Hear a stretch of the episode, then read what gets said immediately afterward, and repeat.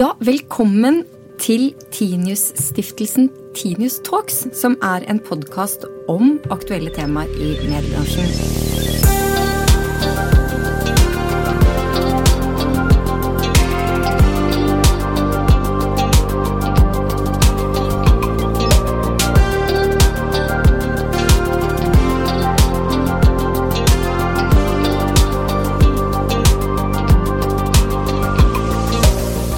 Skal vi snakke om internett. Intet mindre enn internettet. Eh, og at det er eh, rett og slett ødelagt, og at demokratiet er i krise. Og de som hevder det, det er Martin Jelin, som er en prisbelønt forfatter. Og Dagens Nyheters korrespondent i New York. Og Karin Petterson, du er nå Eh, sjef for strategi og public affairs i Schibsted, men har tidligere vært det dere kaller politisk sjefredaktør i Aftonbladet.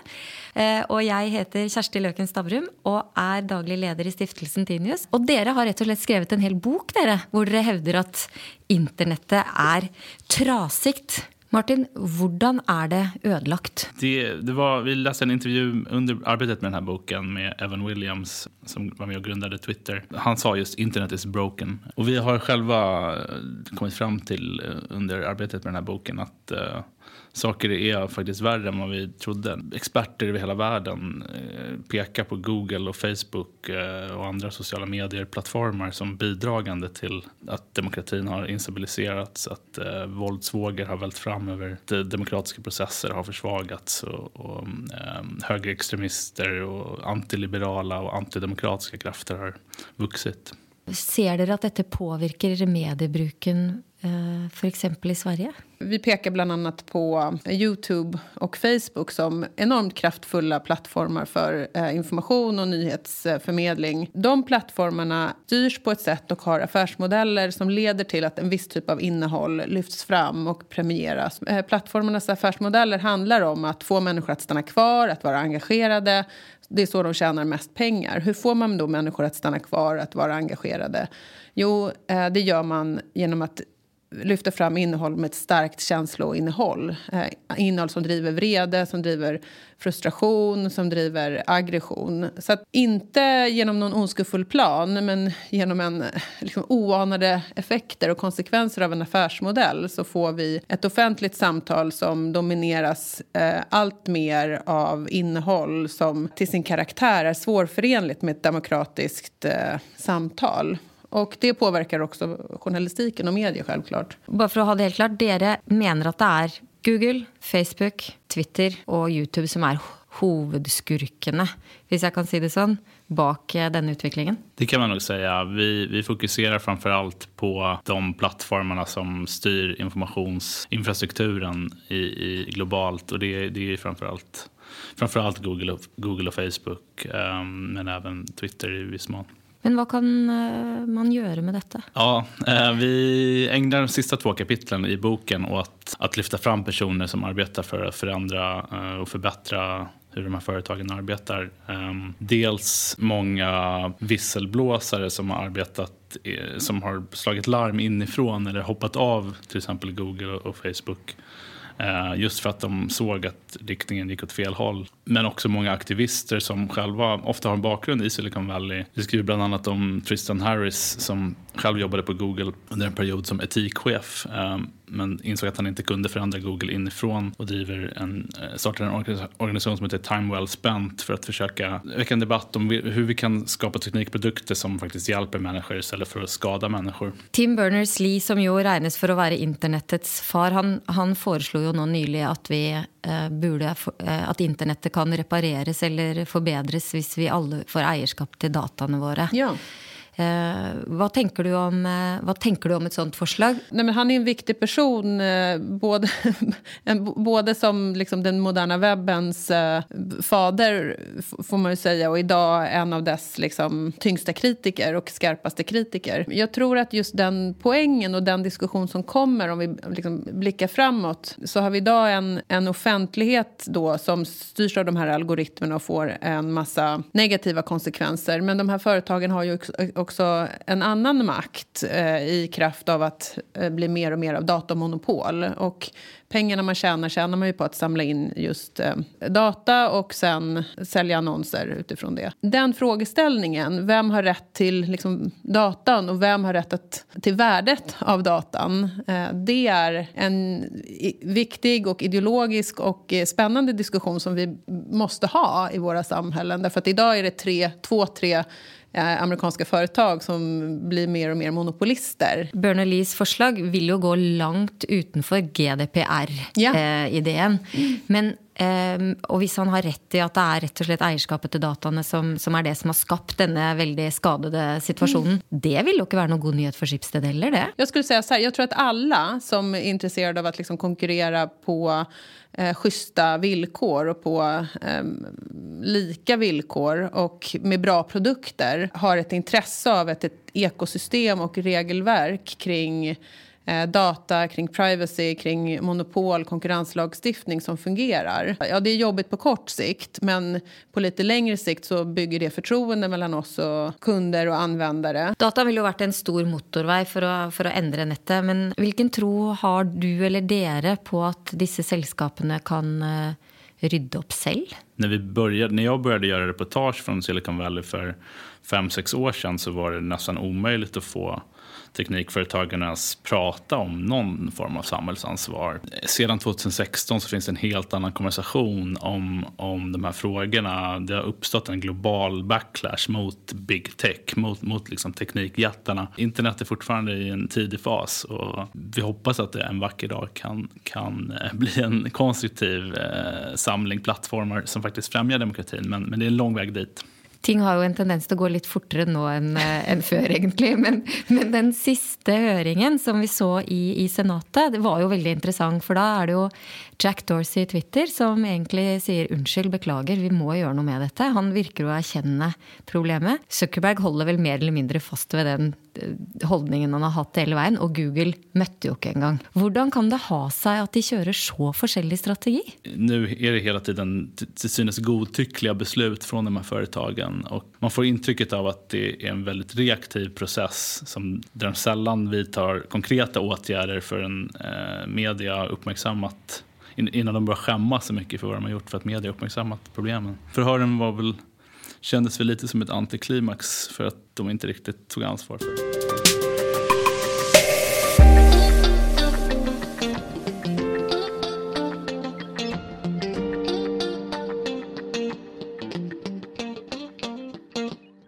Dere har jo begge bakgrunn selvfølgelig, fra redaktørstyrte medier. Mm. Eh, og det vi egentlig etterspør, er vel mer redaktørkraft i disse selskapene, er det ikke det?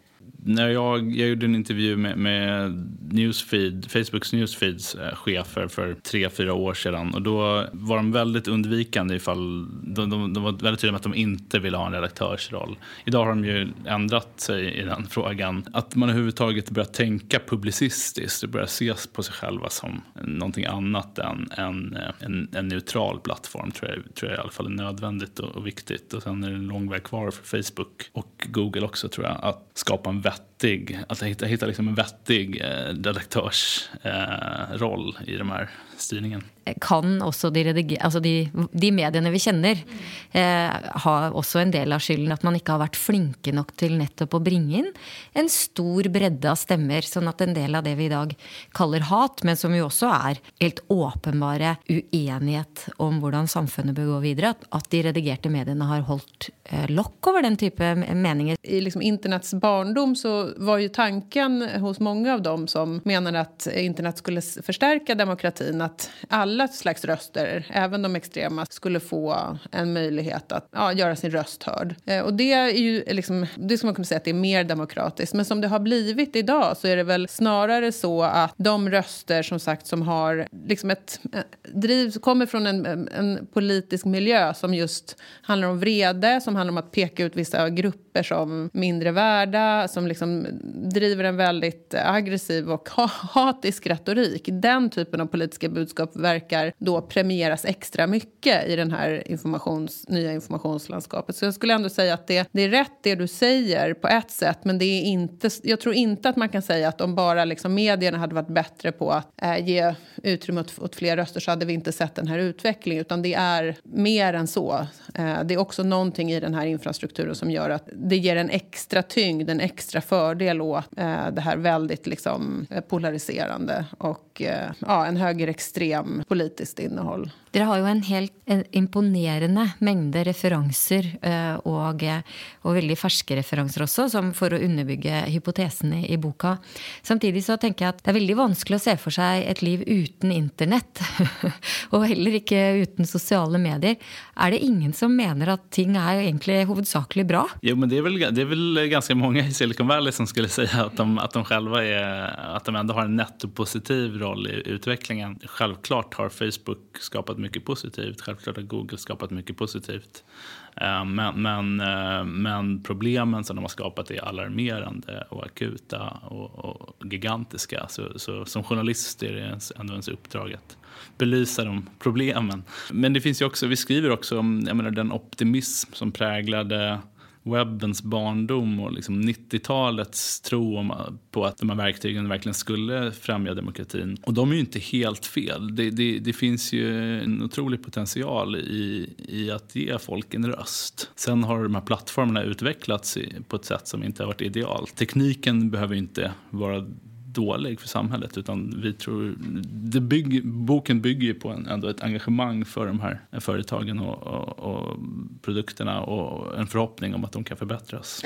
Jag tror också en utgångspunkt är ju att det är inte antingen eller. Det är inte liksom ingen teknik eller så som vi har det idag. Utan det här har ju skett väldigt snabbt på tio år. Och de, det, det internet som vi lever med idag är ju följd av affärsbeslut men också av politiska beslut och av regleringar och brist på regleringar och ett, ett slags samspel mellan ja, eh, de här företagen och samhället, samhället i stort. Så att vad, vad vi vill komma fram till är ju en diskussion om hur ska det se ut framöver. Inte ett liv utan sociala medier, men utan snarare fundera på är det ett, om det är ett problem att de här företagen har, håller på nu att bli monopol. I boken så skriver dere lite om att vi måste vara väldigt uppmärksamma på all den lobbyverksamheten som dessa stora techselskapen driver med. Men eh, det är ju också en del av den ironin, Karin, för du jobbar ju också med lobbying. På vilken måte eh, tar du ansvar för att bedre detta trasiga internetet och inte minst Schibsted?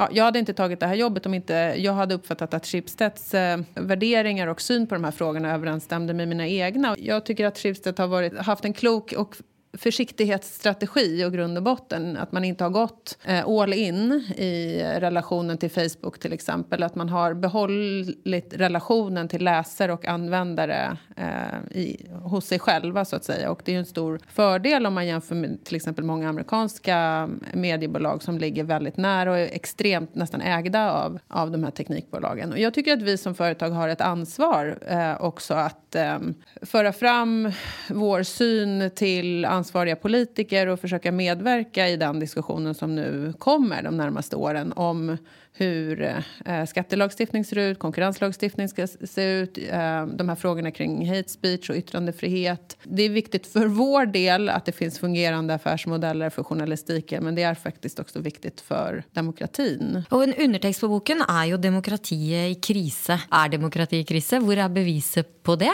Ja, man kan ju se det i länder som Turkiet som var på väg mot en, eh, en liksom, var på väg in i Europeiska unionen för, för några år sedan och liksom starka självständiga medier. Eh, och idag är liksom en eh, fullständigt auktoritär regim. Eller utvecklingen i Filippinerna som vi pekar på där eh, som aldrig har varit liksom en stark demokrati men som ändå går, där utvecklingen går åt fel håll.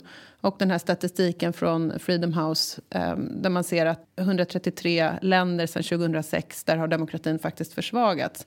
Sen gäller inte det i alla länder och jag skulle inte säga att demokratin i Sverige, i Sverige håller på att försvagas. Ja, och den, den undersökelsen från Freedom House den pekar ju som du har sagt eh, på att eh, fler demokratier är i kris. Men, men det som är intressant också med den undersökelsen är att de påpekar att där det är kris är det fordi myndigheterna kontrollerar de sociala medierna och då blir det ju ett et ganske litt sånn annet dilemma mm. eh, än, än bara att eh, algoritmerna jobbar. Kina är väl ett bra exempel.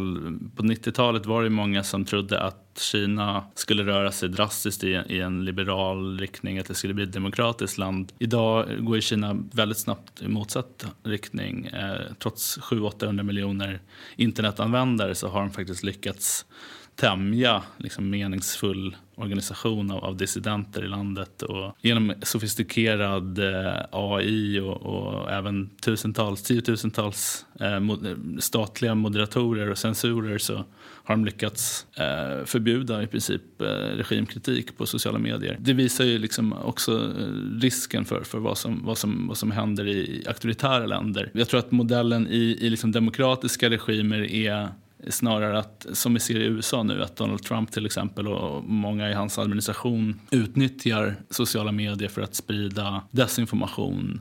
Det är mer en rysk modell egentligen, där, där man dränker sanningen i så mycket distraktioner så att folk inte längre vet vad som är sant, vad de kan lita på, vad som är, vad som är viktigt. Och där är du inne på eh, kanske liksom nyckeln här, det är ju denna tron vår på att, eh, på att sannheten taper.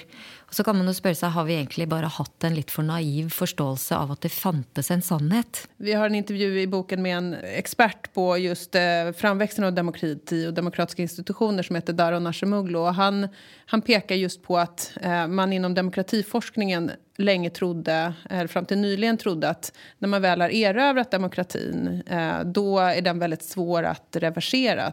Eh, för då, eh, kom, då har man byggt institutioner som så att säga håller. Och idag är han inte alls lika säker på det. Eh, därför att han menar att även i demokratiska länder eh, där fungerar inte journalistiken lika eh, säkert idag som en varningsklocka om någon utmanar demokratiska institutioner. Utan just den här informations arkitekturen, infrastrukturen som, där lögner lätt får fäste, där liksom desinformation lätt får fäste gör att, också, att det blir mycket svårare att så att säga varna eh, och att journalistikens funktion därmed blir, blir svårare att upprätthålla. Inte mindre viktig, men, men svårare. Och han pekar just på länder som Turkiet, och USA och Ungern som ju är länder som har varit demokratier eller är demokratier eller varit på väg mot demokrati men där, där han ser liksom en negativ utveckling. Jag tror nog och fortfarande på sanningen och att det finns en sådan. Eh, frågan är väl snarare hur man skapar bästa möjliga förutsättningar för den att eh, få mer fäste än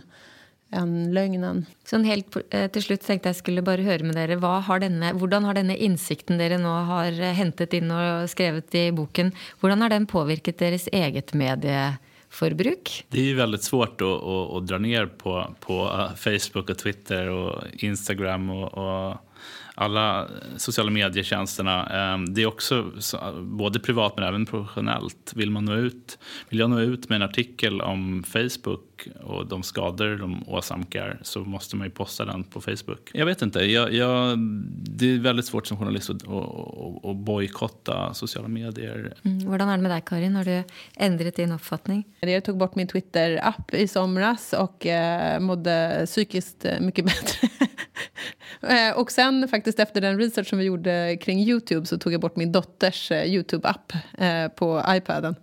Det fick konkreta effekter i familjelivet.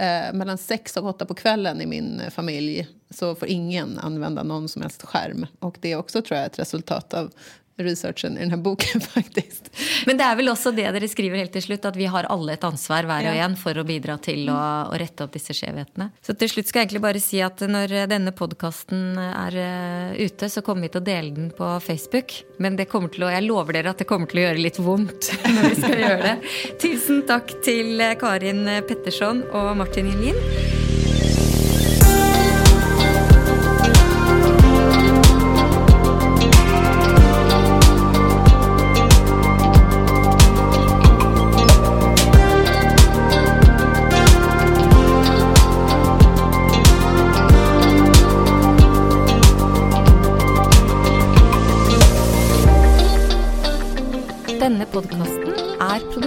Av Hansine Korslien for Stiftelsen.